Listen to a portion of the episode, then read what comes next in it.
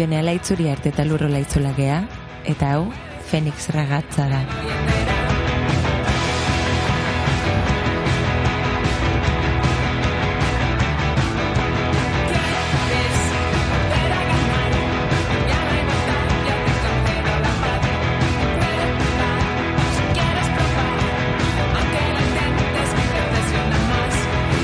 Ongi etorri izan Fenix Ragatza programaren bosgarren saiora. Dakizuen bezala gure programa bakoitza, emakumezko artista, zinegile edo sortzaile bati eskaintzen diogu. Aurreko saioetan, Moira Deibi, Bali Export, Dora Garzia, Irati Gorostidi eta Mirari Etxabar izan ditugu protagonista. Eta orain honetan, itxasoan barren nabidai bat egiteko gonbitea gotatzen dizuegu.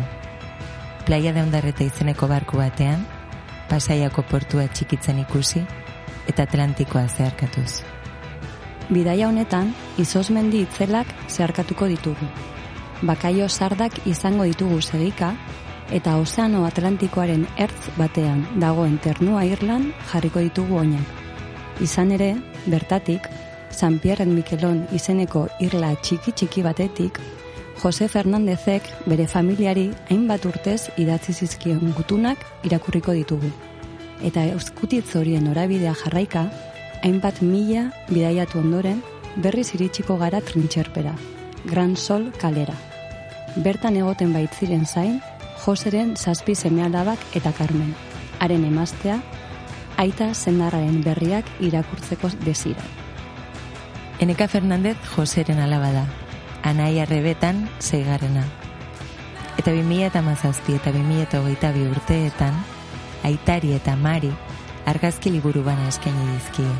Bakoitzari bat, itxasoratzen zen gizonari, eta lur zorutik familia aurrera ateratzen duen emakumeari. Beraz, gaurko saioak krezala zaporea izango du. Iparaldeko aizeotzak ere entzungo ditugu, baita marinaren bakardadea ere entzun, isiltasunaren bitartez. Eta kontrastean, umeen joan etorri ez, kez eta lapikoz beteriko sukalde bizi batean ere arituko gara. Benetako plazerra da gaur guretzat, Fenix Ragatzan, Eneka Fernandez gurekin izatea.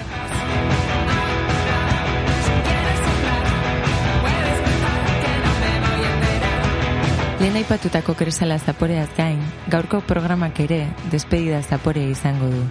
Hau izango baita, Fenix Ragatzaren azken saioa. Penaz esaten diogu agur, ia bi urte iraunduen aventura politoni. Baina ziur gaude, geure haotxek berriro topatuko dutela elkar zeuekin. Ba, seguro baiet.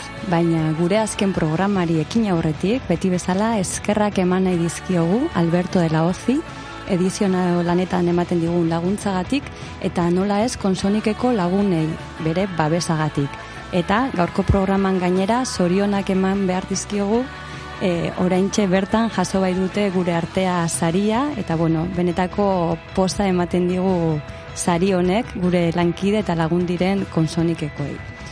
Eta nola ez ere, basilikako gure lagunei ere, eskerrak eman nahi dizkiogu, ederra izan baita proiektu hau beraiekin batera martxan jarri, pentsatzea, eta abentura honen ere parte izatea. Gaurko zaiaren soinu banda amorantek jarriko digu, bat edo hiru diskaren bitartez. Eta zaiari dagokionez, etxeko armairuetan gordetzen diren oroitzapen kaxa hoietako bat bezalakoa izango da, edo hori saiatuko gea zuri beltzean imprimitutako argazkiekin. Behin eta berriz irakurri, eta berriro gutuna zelean gorde diren eskutitzekin. Altxor pertsonalekin eta Fernander ententza familiako horitzapenekin.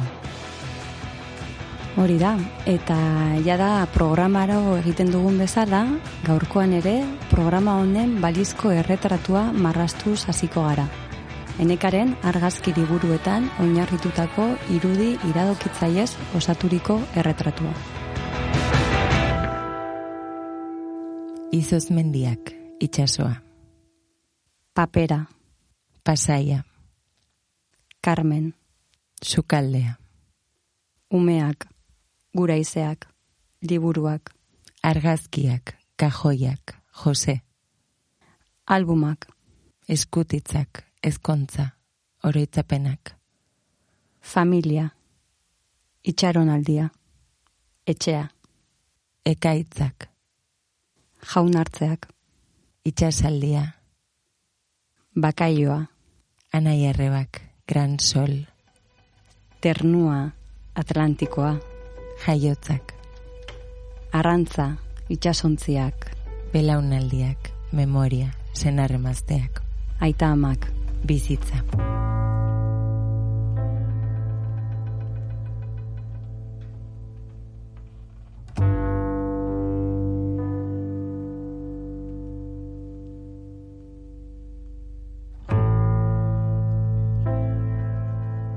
Eneka Fernandez, mila aberatzideun da eta mazazpigarren urtean jaio zen pasaian.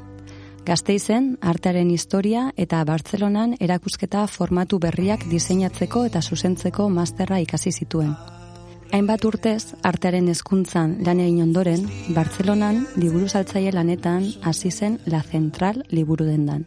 Eta ordutik, hasi zitzaion egun arte irauten dion fanzine eta argazki liburuengatiko interesa. Urte hauetan guztietan hainbat fanzine argitaratu ditu.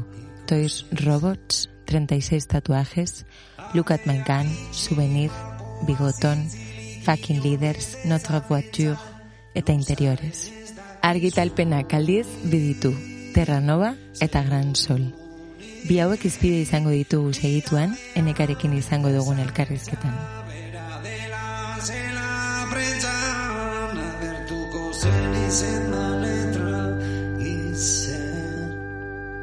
En la mar, 11 de marzo de 1968. Señorita Mari Carmen Fernández.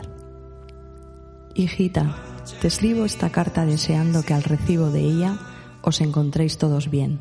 Yo bien. Mari Carmen, según me dice tu madre, sigues comiendo poco y eso no me gusta. Cuando yo estaba en casa ya comías algo mejor.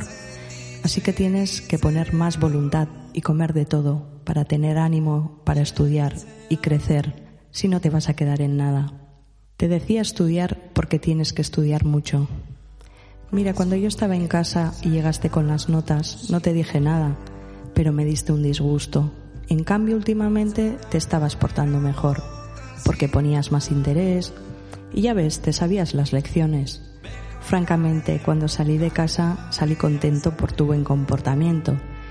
Si siguieras así, me tendrías siempre contento y no te reñiría.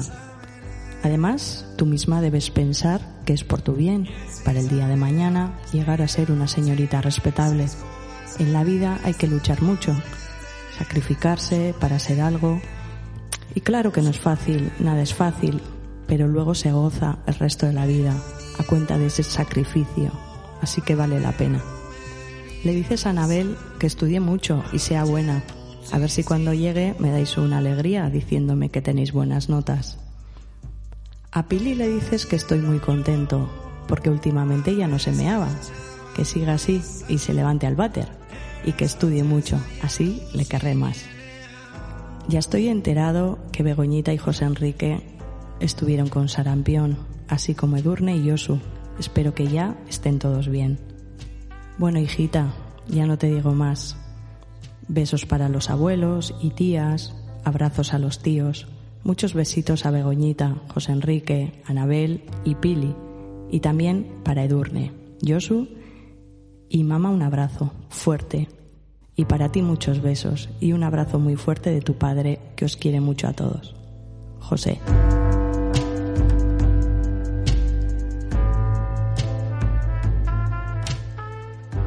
Gran Sol, Eneka Fernandezen bigarren argazki liburua da eta zalantza barik oi hartzun handia izan duena. Hainbat azoka, jaialdi eta lehiaketetan aurkeztu da eta oso harrera ona izan du proiektuak. Bai bertan kontatzen den historioagatik, baita ere liburua bera eginda dagoen mimoagatik. Estudio primerekin egin du lan liburuaren diseinuan eta leirekanok idatzitako testu iradokitzaileak aurkituko ditu irakurleak bertan. Eta historiari dagokionez, lehen komentatu bezala, familia handi bat aurrera ateratzen ari den emakumearena da. Ezkontza egunean, arzaken oliaskoa jaten bazkari goxoa egin zueneko memoriak kontatu eta bere bizitzako argazkiak partekatzen dituena. Enekak berak aipatzen duen bezala, historio txiki erraldoiak dira eskotan etxean aurkitzen ditugunak. Eta horiekin zerbait egitea da liburu honetan batu duen anekak, ez da?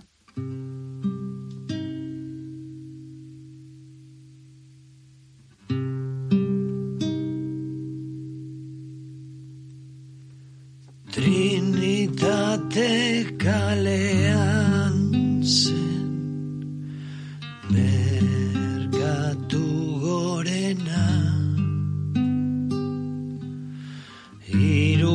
Gehi dukatetan Saldu nindutena. Saldu nindutena. Prego hilari batek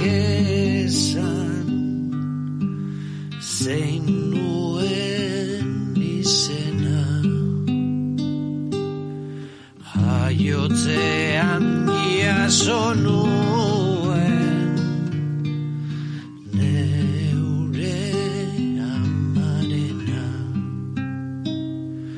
Neure amarena. Aiertzak berrogeita zei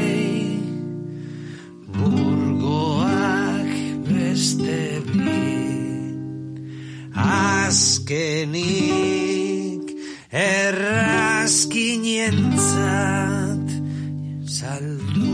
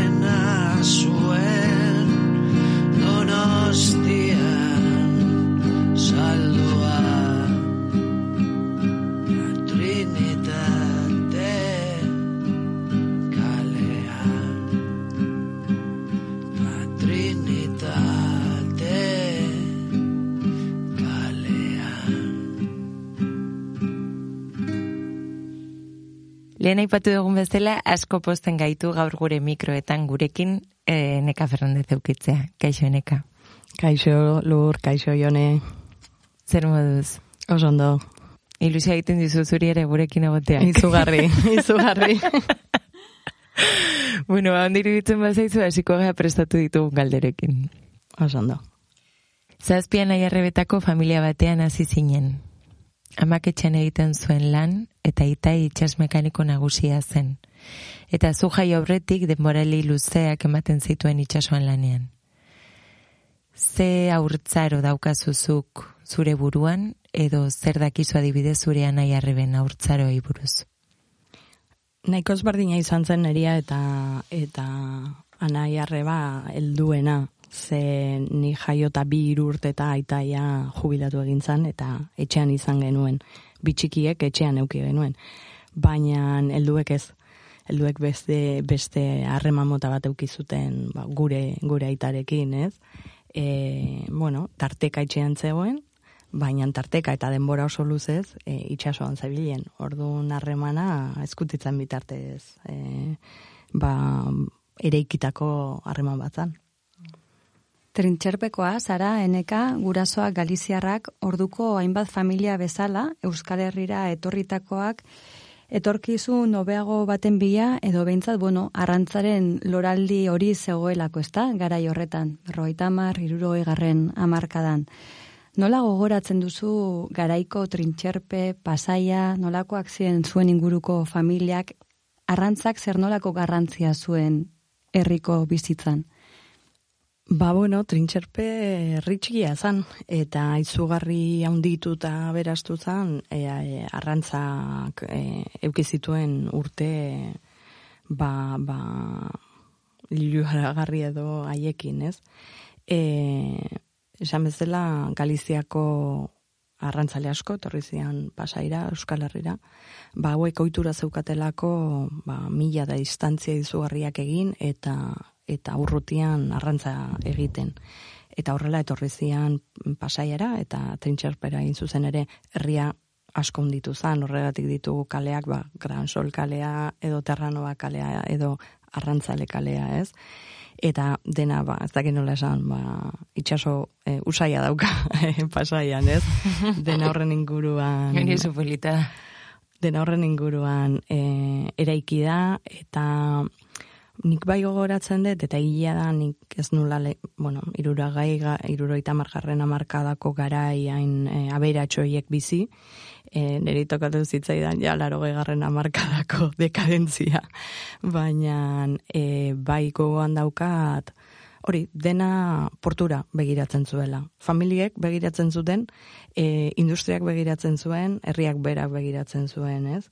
E, gogoa daukat, buruan daukat, portura joan, e, itxasuntzi bat gerturatu familia, e, kasu hortan etzan neria, baina beste familia batzuk ere, han e, arrantzalen zai, bueno, ba oso oso unkigarria, ez, momentua. Eta baita, itxasoaren inguruan zeuden beste hainba gauza, ez? E, trintxerpen dena zeon itxasora begira, ez? E, familiak zai, itxasoa, itxasuntziak iritsi zai, eta familia guztia e, ba, aitak eta aitonak eta itxaroten, ontziolak ere inguruan, e, gazteak ere gogoan ditut e, bakaiauan deskargan lanean eta lehenengo xosak irabazten, e, hori izan da nere, nere gaztaroa ez?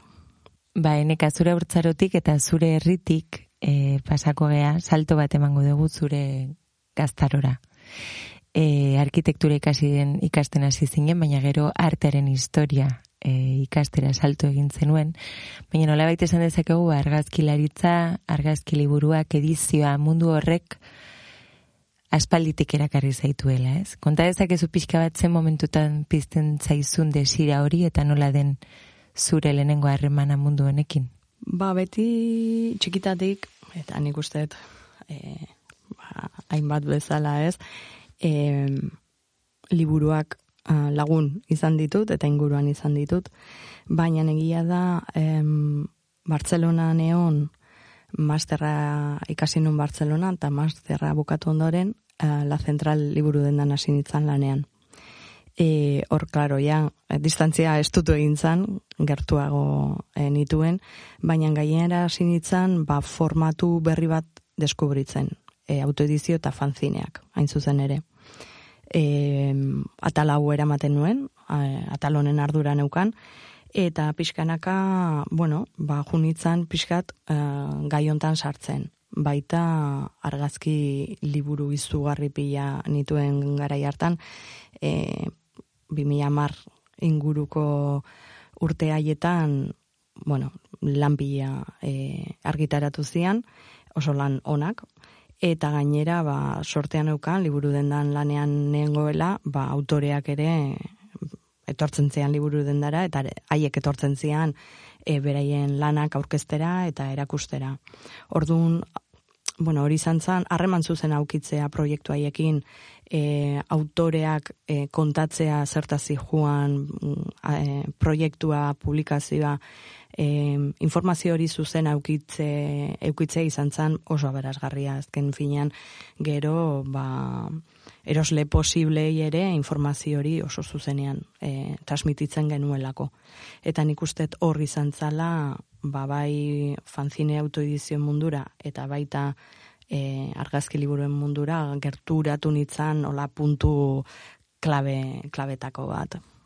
Bai, ze, justo aipatu desun amarka da ziera hori, ez? 2000 eta amargarren urte buelta hortan argazki liburuek bai izan zutela loraldi moduko bat, ez? Ia argazkilari, bueno, ba asko kasi ziren beraien proiektuak liburuetan erakusten, azoka asko ere egin ziren horren bueltan, baita irudi eta argazki eskolak ere sortu ziren Barcelona, Madrilen, baita Bilbo eta eta gure inguruan ere, Eta horrek, bueno, argazkilarei uste dute mazila nahiko olako bizibilidade bat, ez, arte sisteman ere, ba, igual, orain arte edo ordura arte horren beste etzegoena, etzegona.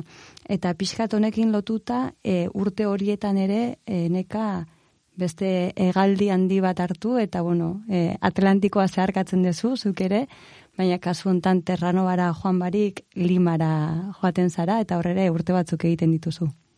Bai, elkartu zan pixkat, e, aipatu dezun e, urrezko garai hori, e, askotan bum, bum are deitu zaio, ez? Baina bai oso gara interesgarri eta aberatsa eta hor gertu ukitzea, ba, oso aberasgarria izan zan horrekin batera, eta lotuta gainera e, 2008ko e, krisialdia. Mm, gauza batek eta besteak badaukate harremana, eh? E, baina, bueno, asko zer sakonago izango litzateke hoi komentatzea, baina e, ba, bai, garai hartan geundela, 2000 eta mairuan, ba, nik neuk ere maletak hartu eta eta itxasua zeharkatu nun kasontan ez itxasuntzia baizik eta airez eta eta liman plantatu nitzan eta bertan egon nitzan ia bi, bi urtez e, lanean eta bizitzen, ikasten, izugarri eh, gauza asko ikasten, eta burua irekitzen, ez? Eta, eta egin nituen lanak ere, ba, autoedizio fanzine eta argazki liburuen e, inguruan izan ziren. Eta horreneka ere, okerrez banago izan zenuen esperientzia bat, e, Limako irudiaren zentruan lanean, e, zer zen horre egiten zuen egiten zenuena? Ze honekin kontatzen ari garenarekin lotura handia dauka, ezta? Bai, elkartu zen, e, ni junitzen garai hartan, mm, bueno, master bat ere e, aktibatu zen, irudiaren zentru honetan, e, Alejandro Castellotek e, komisarioak e, aurrera eraman zuena, e, bueno, mundu mailakan e, ezagunak eta ezagunak diren e, argazkilariak bertatik pasatu ziren, ba, Antoan Dagata edo Martin Parren mailakoak adibidez, Joan Fonkuberta eta bar, eta ni bertan neon, osea, justo an, an neon. Eta, bueno, hoi bintzat entzuteko eta inguruan e, zegoen, ez dakit, giro, bai, giro hortan e, sartu nitzan, ez? E, gainera, batzutan ausardiak ere distantzarekin etortzen dira, eta beharrarekin, eta orduan e, zentroko e, zuzendariarekin eseri, itzegin, eta, bueno, lantegi batzuk martxan jarri nahi nituela komentatu nion, maleta fanzineta autodizioz betetan eraman, eta ba, garai momentu oso ona zan, ez? E, esan dako master horren inguruan, sortu zan giro uh, arira, eta bi iru, unik uste bi edo iru uh, kurso egin dituen bertan, autoedizio eta fanzinen inguruan bai, oso, oso, oso interesgarriak, oso interesgarria ere, e, bueno, Bartzelonan eta estatuko argazki munduan, ba, pixkat muturra santuta eukita, ba, itxasoa zeharkatu eta beste lurralde baten giroa eta jenteak eta eta argazki mota ezagutzea. Eta zer esango zenuk ekarri zenuela limatik? Boa, limatik ekarri nuen Ez bardin bueltatu nintzen, nik uste, hori esaten zian amak behintzat. no eres la Carmeneko misma. hori esaten zuen. esaten zian. Hija, no eres la misma. Y no, por suerte no era la misma. Ez, eh, bueno, ba, izan zan hori, eh, ez dakit, ate bat, leio bat, eh, muru bat botatzea bezala, osea, izan zan... Eh, ba, ba asko ikastea, ez? Bizitzeko beste modu batzuk, e, gauzak egiteko beste moduak, beste perspektiba batzuk, e, bueno, gauza asko jaztindu nituen gainetik ere bai, eta, eta bueno, nik uste oso interesgarria izan zen, eta aparte nik uste ere profesionalki, esango nuke, e, ekarri nuela, ba, bueno, ba, hainbat gauza martxan jartzeko indarra edo edo bai, boterea ere bai, ez? Bai, justo honekin lotuta, e, okeres bagaude Bartzelonara itzule eta fanzinant jarri zenuen martxan, plataforma. Ba, liman neola jarri genuen Ah, martxan. Bai, vale. bai, bai, bai, liman bertan. Horregatik esan dut okeres bagaude, Bai, zuzenekin bai. seguro liman izan zen edo behin itzuli zinela. Eta Bai. igual aipa badezakezu bai fanzinant plataforma edo komentatzen duzun, ba, aktibatu zenituen e, kintza ezberdinak. Bai, e, lehen aipatuta, aipatu dudan bezala, e, La Central Liburu dendan fanzine eta autoedizio eta sarduratzen nitzan, eta konturatu nitzan, ni eta a, Madrilen zegoen lankidea, pixkan nire rol berdina zeukan e, lankideak, konturatu ginen, mm, komplikatua dela, autore txiki batentzat e, liburu dendetara iristea, komplikatua dela kontrol bat eukitzea, zer saltzen dezun, nun saltzen dezun, e, nori fakturatu diozun, nori ez, e, oso komplikatua da e, azoketara bakarri joatea, normalean maiak edo estandak prezioa daukate, eta partekatuta ba, askoz ere hobeto eramaten da, ez bakarrik ekonomikoti, baizik eta baita txandak egiterak orduan, eta askoz hobeto pasatzen dezulako noski e, taldean, ez? Edo norbaitekin lagunekin. Eta hori dena ikusita, eta bueno, pixkat denbora libre gehiago neukala ere ikusita, ba, martxan jarri genuen fanzinant. Eta fanzinant zan autorei esku bat botatzeko plataforma bat, e, elkarrekin azoketara iristeko plataforma bat, eta, bueno, ba, distantziak modu ezberdin batean ikusten dira, ja itxasoa zarkatu dezunean, eta pentsatzen, ba, bueno, hemen nagola igual, Buenos Airesera jun gaitezke, edo Sao Paulora jun gaitezke azoka batera, ordu nor, e, bueno, ba, ba, liman egon da, ba, hiri haundi eta interesgarri hauetan e, azoka eta topaketetan parte hartzeko aukera izan genuen. Ze proiektu polita, interesgarria eta batez ere beharrezkoa ere, ez? E, askotan komentatu duzun bezala, zaila izaten da ba, publikazio txikiekin eta ba, bueno, e, tokietara heltzea eta askotan ez jakintasun asko ere egoten da horren inguruan. Bueno, eta pixkat etapa hau ez dakit erreta edo, edo ja eginda, ba, bueno, donostiara bueltan edo basatoz, eta, eta pixkat buelta horretan sortzen da Terranova liburua egiteko desira, ideia edo behintzat abia puntua. Ustot abia puntua bera ere, bueno, nahiko e, polita unkigarria edo dela, eta, bueno, pixka kontatzen badiguzu zelan sortzen den liburu hau, eta zein izan da ere liburuaren prozesua, eta, eta zerk markatu duen liburuaren, bai, grina. Terranova jaio zan berez em, Bartzelonan bizi nitzanean. E, behin, bueno, ba, etxera bidaia asteburu pasa edo oporrak pasatzera e, gento zen, nere bikotea eta ni. Eta etxean geundela amak album bat atera zigun. Album hartan izeberran argazkiak zeuden horri aldeak pasa, eta izeberrak, bat, bi, lau, amar, ez dakit, izeber pila zeuden album hartan. Eda amak nere bikoteari erakutsi zion, ez? Horkal, has visto este album? Esan zion. Eta horkalentzat lehenengo aldia izan zen, baina niretzat mm, begi haiekin ikusten nuen lehenengo aldia ere izan zen. Ziur etzala lehenengo aldia, baina bai derrepende beste modu batean ikusi nuen e, eduki hori liburu dendan lan egiten nuen, horrelako materialak, publikazioak e, eskura nituen, eta orduan, derrepente beste modu batea ikusi nuen, eta guatzen naiz trenian bueltan Bartzelonara, horkaleri esan nion, zerbait egin behar dezu eduki honekin, eta esan zian, nik? Hau, zuk egin behartzeko, zuk egin beharko zenuke, eta esan nion, ba, ni ez naiz artista, nik zer egingo dut honekin. Eta, eta horre liburu dendan egola, ba, lehen aipatutako argazkilari batzuk etortzen zian beraien publikazioak e, ekartzea eta eta lantegi bat zeukaten martxan. Eta orduan komentatu nien, aizu, eta nik lantegi hau egingo banu eduki honekin ze, ze, ez dian ere argazkiak, hau, ni ez naiz argazkilaria. Eta esan ziaten, e, osea, hau, zu, oso ondo dator horrelako lantegi batentzako, nik uste maketa bat egiteko, ideala da, materiala begiratu, errepasatu, pues, edukia ere aukeratu, eta forma bat eman. Eta alatera zan, 2000 eta ez detoroitzen, 2000 eta esango nuke, e, lehenengo terranovaren lehenengo maketa. Osa, que prozesua gero luze joan da, ez? Luze joan, joan zan, ze um, egia da, nik materiala ikusi nuenean e, etxean, ez etorritzen zeurte izango zen, baino bai heldu nionean eta eta lantegi egin nuenean e, aita gurekin. Ordu niretzat ere izan zen, ostras, proiektu honi heldu egin behar diot, aurrera egin behar dut, eta baita ere izan zen, bueno, omenaldi bat, noski, baino nere dolua, nere modura, nolabait pasatzeko modu bat.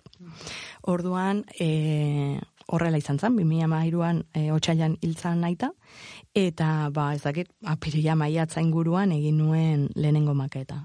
Eta 2008an udazkenean, junitzan e, limara bizitzea. Orduan, bueltan, maketa ura kajoian zeon, pozik egon emaitzarekin, baina ez guztiz, guztiz, guztiz, e, etzan ideala, eta maketaura aurkeztu nuen Eusko Jarlaritzako e, diru laguntzara, e, argitalpenen diru laguntzara, eta egia esan e, proiektua oso aurreratu zeon. Orduan behartzun azken bultzada, mm bultzada hori ez, kasu hontan bultzada ekonomikoa ere bai, eta hor e, Jorge Primorekin, estudio edo Primorekin e, eseri, proiektua erakutsi, eta santzian enekabo hau egin behar dugu.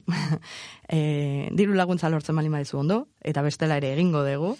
Eta horrela aterazan baterrano baren berezko e, argitalpena, 2000 mazazpian, laburteko, bai, prozesua izan bai, zan. Egosten egon zan hor. Exacto, bai. Eta izotz mendiak edo izeberrak aipatu dituzu, ez? E, albunetan behin eta berriz aurkitzen zenituen izeberren argazki horiek, eta antza zure aitak izeberrei ateratzen zien argazkiak, ba, bertan zeudelako, ez da? Osa, beretako, bere e, itxas bidai horretan, ba, bueno, zarritan aurkitzen zituen izotz mendiak ziren, Eta noiz zuk ere esan dezu ez, zure aitaren bizitza, zuretzako e, izeber moduko bat ere izan dela ez, ha, ba, bueno, zatitxo bat besterik ezagutu ez duzula. Bai, aitak berrogeita mabi urte zituen ni jaion itzanean, saigarrena naiz, e, zazpian arretatik, Eta, klaro, berrogeita mabi urte iruditzen zain nahiko izeber puska, puska dala e, nik bizi eta ezagutu ez nuena, ez? E, izeberra gainera, bueno, mm, gauza metafora oso potentea da, ez? Iruditzen zait itxasoa eta ura, eta ura, eta ura, e, besterik ikusten ez dezunean, derrepente mendi solido, izotz mendi solido puskaura ikusteak, ba, nahiko impresioa eman behar duela, ez? Eta egia da, nik artearen historia ikasita, e, ba, noski, esan nahi bat bilatzen diot edo zer gauzari, eta aita galdetu nionean, aita, por qué hiciste esas fotos? Esan zian, porque estaban ahí. Meno da respuesta, ez? Momentu horrean esan, jo, ber, o sea, ni bilatzen unolako... esaldi oso, ez? Baina, gero denborarekin goturatu nintzen, ba, bere mamila ere bazeukala e, esaldi horrek, bai, eta itzu gutxi horiek bazeukaten, ez? Ba, ba hori, ba, azkenean, e, itxasoa besterik ez ikustea, hainbat denboraz, e, itxaso mota ere aldatu egiten da, hau da, ekaitzak eta dauden tartetan, ez daude izeberrak, e, itxasoa lasaiagoa dagoenean bai, eia, ba, arrantza zonara e, gerturatzen ari zirelaren seinale, eta bueno, ba, hor bat zegoela esan nahi haundia ez, ba, izeberran ere kapak eta hor txaka txaka txaka azpira edo fondora e, zulo egingo bagenu bezala, bai. Bai, udari gabe. Em, zure itari buruzari gea, komentatu duzu ez, hilabeteak ematen zituela aitak itxasuan, baina aldi berean egia da aitaren rola betetzen zuela, eta hori ikusi dugu nola bait, e, irakurri diguzun eskutitzean, ez? Nola ziren jasotzen zenituzten eskutitzak eta nola, nola partekatzen zenituzten zuen artean edo ez irakurtzen zenituzten guztien artean, nola izan da eskutitzoien bizitza? Kuriosoa da ere, eta orain zaila da ulertzea, ez? Denain inmediato bat, denain, ez? Momentuko eta azkarra den garaionetan, e, notiziak, ba, ba, asteak eta asteak ez, tardatzen zutela alde batea eta, eta bestera. E, komunikazioa eta harremana e, eskutitzen bitartez egiten zen, baina egia da irratia ere bazegola e, barkuetan, baina netzan pribatua. Elkarrizketak e, entzunak zian edo entzun altzian, ez? Orduan e, pribatutasunerako eta harreman indimo edo familiarrentzako e, amak aitakin eta bere eta aitak ere seme alabekin, ba eskutitza asko erabiltzen zala bueno, niretzat hori gozada bada, eta, eta eskerrak ze bestela horrairian gehatuko zian itzoiek, eta zorionez e, paper batian jasoa daude, eta ez bakarrik ba, lehen e, irakurritako termino hiek, ez, señorita, tal, querida, hijita, edo, bueno, badaude ere hor informazio maila handia dago, hemen ere, ez, e, izebarran e, metaforarekin jarraituta, ez, hemen ere bai, ez, e, si estudias mucho te carre más, ez, edo come mucho, edo e, ere beti atentzia deitzen dit besos para las mujeres, abrazos para los hombres, ez, más o menos, ez, egiten da, uh, orduan, karo, hor dago informazio maila haundi haundi bat, ez, aitaren e, eskuntza eta, eta, bueno, eta esperientzia eta izakera eta hainbat gauza, letra ere, ez, idazteko modua kaligrafia, aita oso persona perfekzionista zan. Eta nik flipatzen dezen mekanikoa zan, eta inoiz ez dizkion nik eskuak ziginak ikusi, baina inork inoiz, eta azkazalak ere den beti zituen impolutas, osea, super garbiak hortzan, bere perfekzionismo maila, nik uste ondo, ondo da dirazten zala horrekin, ez? Orduan, e, eskutitza bidaltzen zian portura iristerakoan, Eta batzutan eskutiz bat, baino gehiago aldi berean botatzen zan e, korreora, ez? Bueno, postontzira. Eta ordu naitak, eta, eta bueltan, zenbakitu iten zituzten, ez? Bat birula, pues, hola, orden hortan irakurri mesez, ez? Piskate esaten zuen, ez? E, beste, beste maila bateko harremanak zian, beste maila bateko e, maitasun edo bikote harremanak, beste maila bateko aitatasuna ere bai, ez? Eta, bai, oso ezberdina da. Nik ez deta inbesten bizi, ze esan bezala eta jubilatu zain oso txikian itzenean, ordu nik ez nun berarekin horrelako korrespondentzia e, izan, baina anai eta arreben e, eskutitzen bitartez, ba, ba pixkat esperientzia hori bizi izan dut, bai.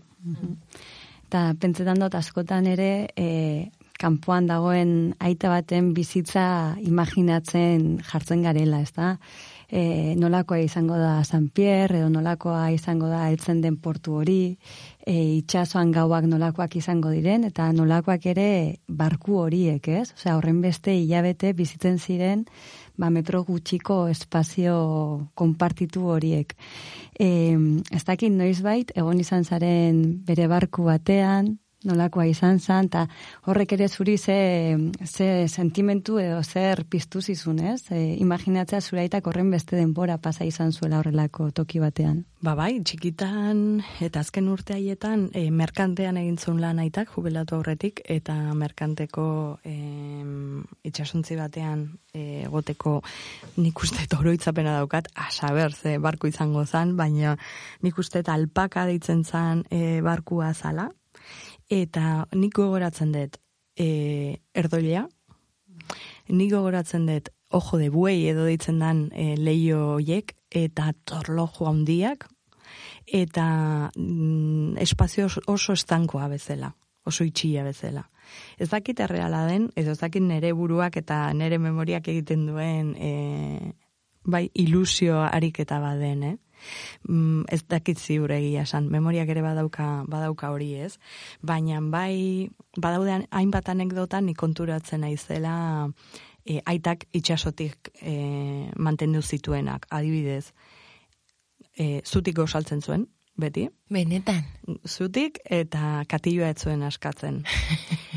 Bazkaltzerako orduan, beti esku batekin e, ezkerrakin seguramente, e, beti e, basua usten zuen, bai, ze mareakin mugitu egiten zanez, barko ontzeudenean, ba, tik hori edo mania hori claro. geratu zitzaion, eta beti basua eutxi egiten zuen, e, eserita zegoenean bazkaltzen afaltzen, eta bar. Hori daukat oso oso buruan sartuta, eta beste hainbat gauza, aitak etzegin e, igeri egiten, adibidez, Eta galdetzen genion flipatuak noskien plan, baina nola etzen egin igeri egiten, eta esaten zeun, itxasora erori izan manintz, eske berdin du igeri egin edo ez egin, imaginatu ze nolako temperatura, ez zeuden Bai. e, uraietan, ez? Bai. Etzakan garrantzirik. Eta hori, Jo, eta nire harritzen hau, eh? Bai, orain dekarritzen du, Eh, eta nik uste badaudela igeri marinen egiten ez jakiteak. asko ez dakitenak, goitzekitenak igeri Bai. egiten. Ze pasa? Eta gero, eh, esaten zune bai, cuando yo me muera, no me tiréis al mar, que bastantes años he pasado en el mar. Bai, bai, poco humor negro, baina, baina, bai, bai, bai, bai, hori esaten zuen beti. Ze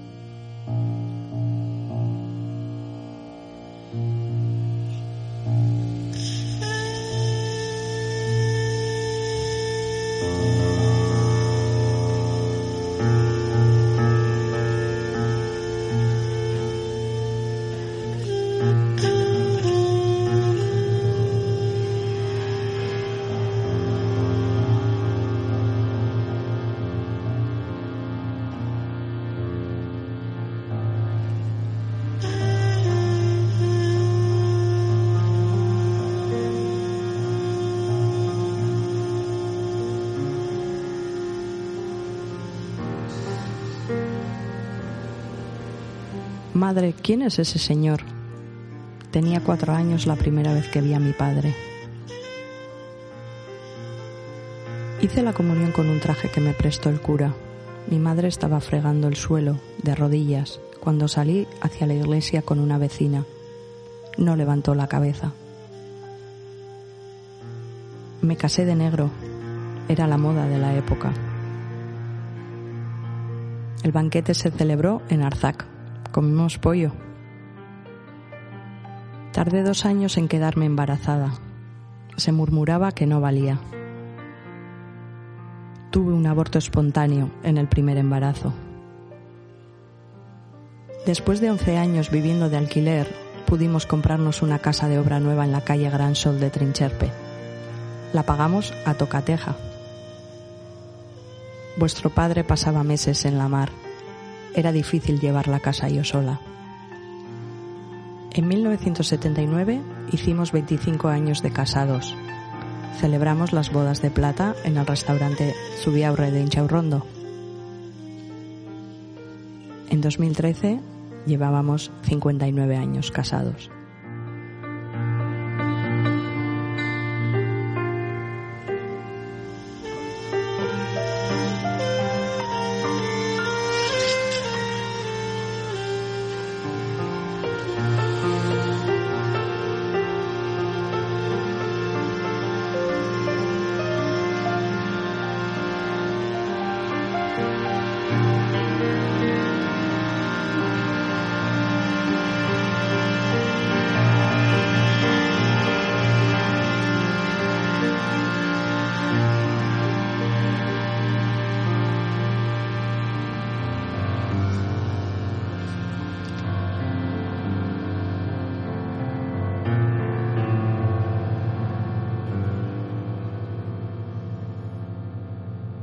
Bueno, Terranova liburua eta gero, bost urte beranduago 2008 bigarren urtean ateratzen duzu Gran Sol, kasu honetan zure amari eskenia, eta izenburuak zordio daukan izena e, zure familia bizi izan den kalearen izenari.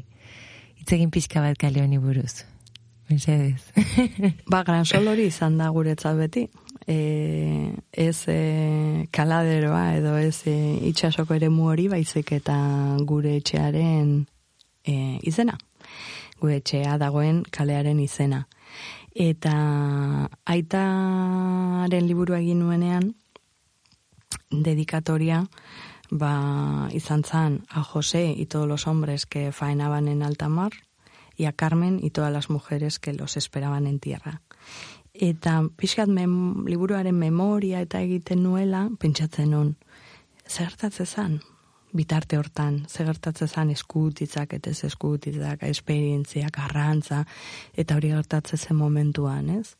Ama etxan zegoen, ama familia handi bat e, aurrera ateratzen zuen, eta kontatzen alda egunerokotasun hori, kontatzen aldira historia txiki horiek, txiki eta zoragarri hori- horiek, ez, eh, aldi berean.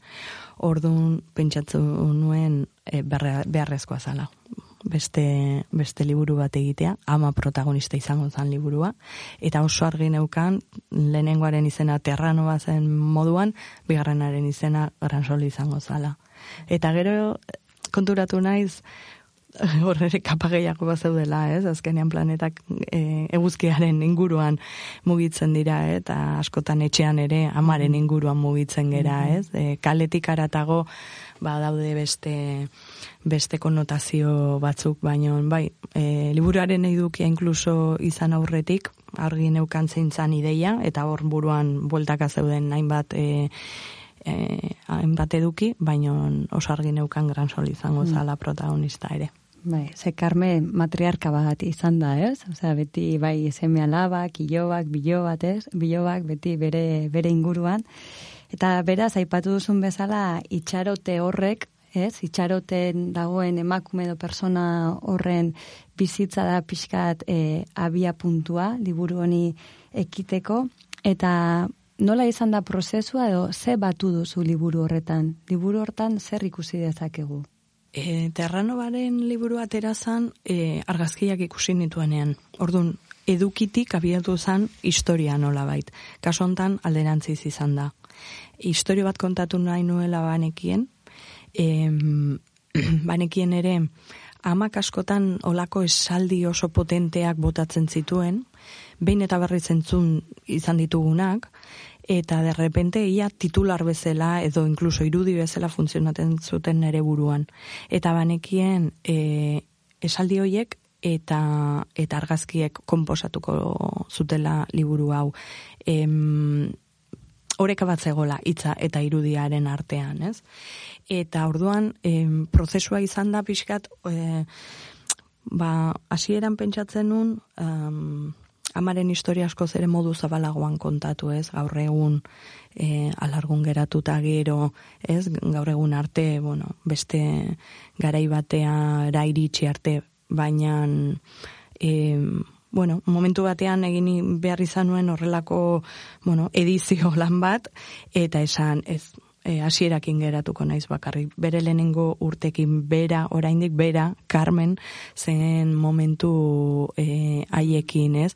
Egia da oso zaila dela Carmen bere e, familia, bere senarra eta bere e, seme alabataz gehiegi e, aldentzea, ez? Hori da Carmen ere bai. Baina, mm, baina nuen, ba hori protagonista izatea txiki txikia zenetik, ez? Txikia izan zenetik. Eta ordun izan zan pixkat ere ed- edizio lan bat, edizio lan utxa eta bilatzea. Irudiak bilatzea e, nituen esaldi hoiek e, laguntzeko eta alderantzi zainbat kasutan ere bai. Zer iruditu zitzaion liburua Carmeni? Jo, nere lan egiteko modua da pixkatola atzetik bezala. E, e, orduan, liburuan nahiko aurreratua nuen arte e, ez nion erakutsi. Askotan pentsatzen da nik argazkiak erakutsi nizkiola mari eta amak ola esaldiak bota zizkiala, baino honez. Esaldiak hor zeuden, buruan, memorian, bueltaka, hor zurrumile batean, eta nik imaginatzen den nere burua, hola, arrantzan bezala, ez, esaldi horiek e, harrapatzen, eta, eta esan bezala argazkiak bilatzen, ba, pixkat, in, in, esaldi hoiei indarra areagotzeko, ez, edo mezua e, argitzeko. Orduan, e, bai, tarteka etxetik pasatzen itzan, ama, ¿dónde tienes las notas de Mari del cole? Edo, ama, ¿dónde tienes la foto de no sé qué? ¿En qué andas? Ta, no, nada, nada, nada. Ta, ni pixkat atzetik eta egiten ditun argazkia mugikorrarekin, ba, pixkan ni nere buruan, eta lanean negola e, liburua eraikitzeko, ez, edo sortzeko.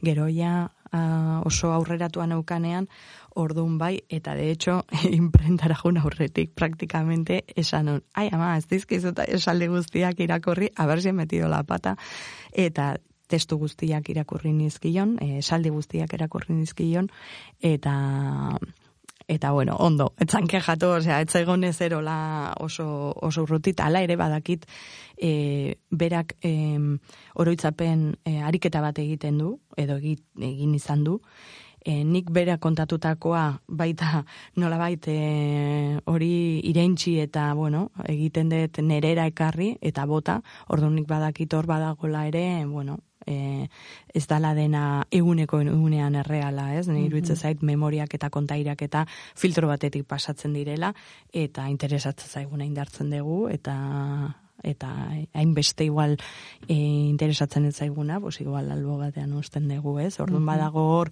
Carmen dago, baina badakit ni ere hor nago, banagoela, ez? Nere, nere mm, ikuspuntua ere badelako.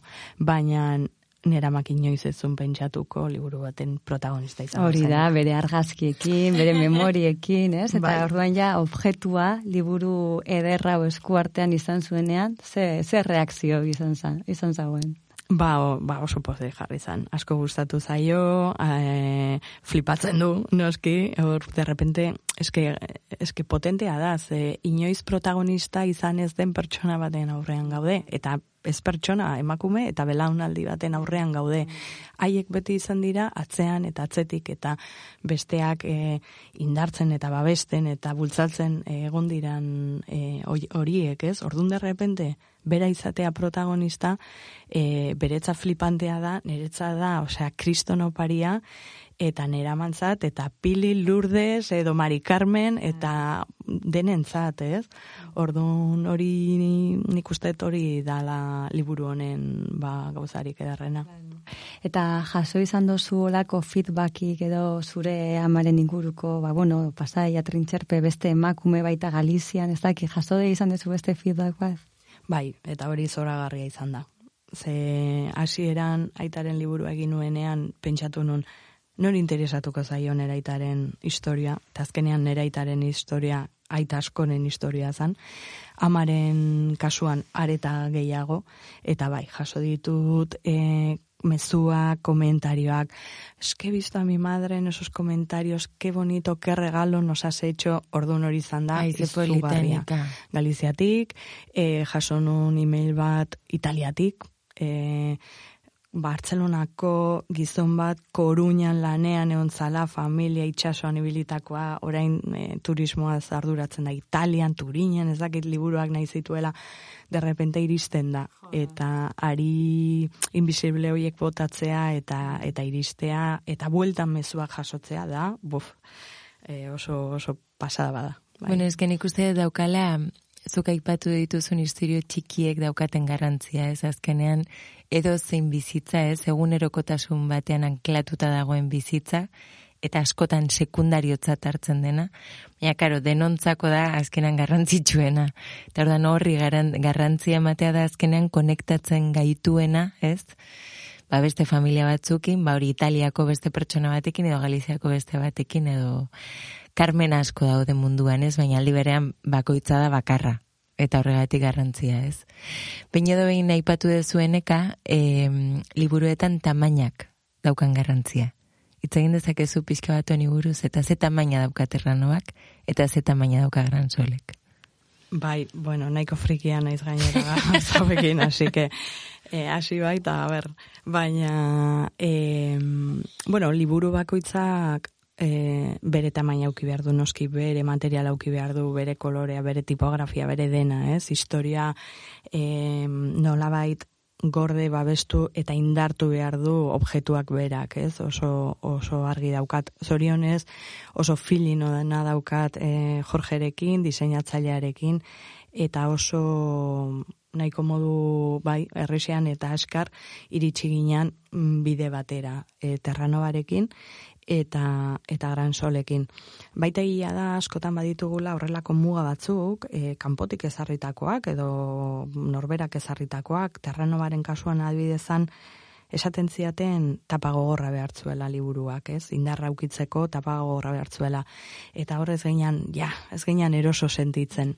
Eta maketa de hecho txikiago, tapa gogorrakin zan, baina txikiagoa zan. Eta nik ikusten nuen argazki hoiek tamainan e, daudela, bere ohiko tamainan daude, aire gehiago behartzutela. ze bestela itxo.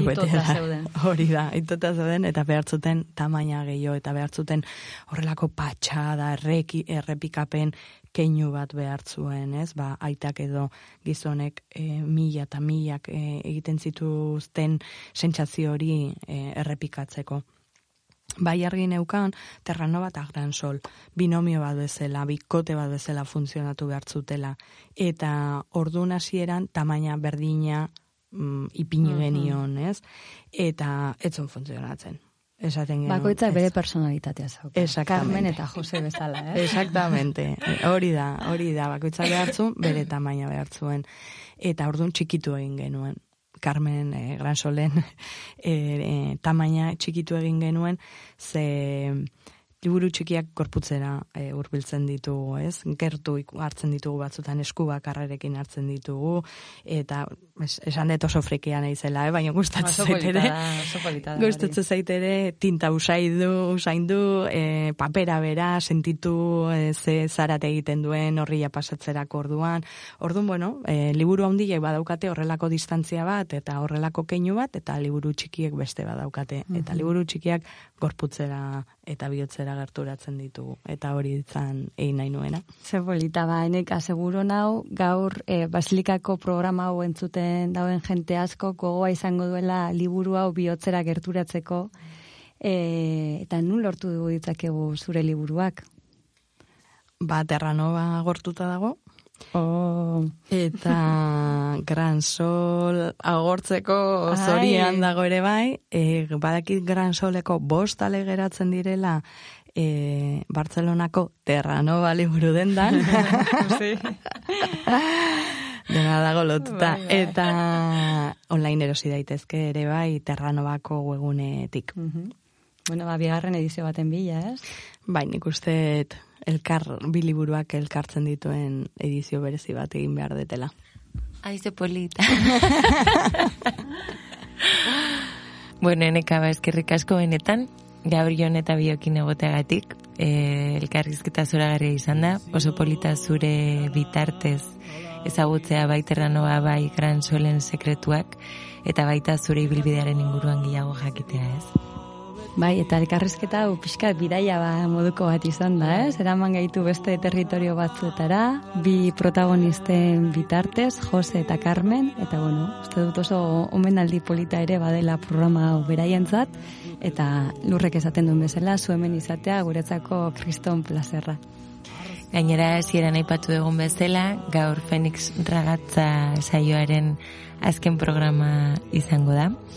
Baina bueno, ikusiko dugu. Agian momenturen batean itzuliko gea, ez da, Ione? Bai, hau ospetsuek esaten duten bezala, laster arte bat besterik ez da. Hori que seguro de gure ahotsek laizter eh, elkartuko direla berriz ere.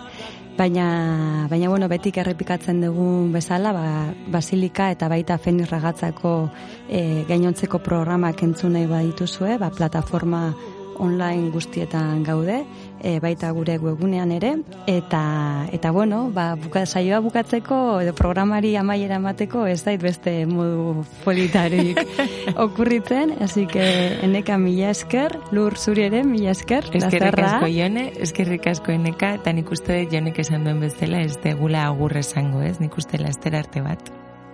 Eskerrik asko Jone eta lurgon bidapenagatik, bidaian ikusten eskutik heldutea egin degula eta eta egingo ditugula. Hainbat, hainbat bidai horrela, eskutik helduta eta behar denean ere distantzia eta eta eta bai, beste indar bat o, albokoari ematen.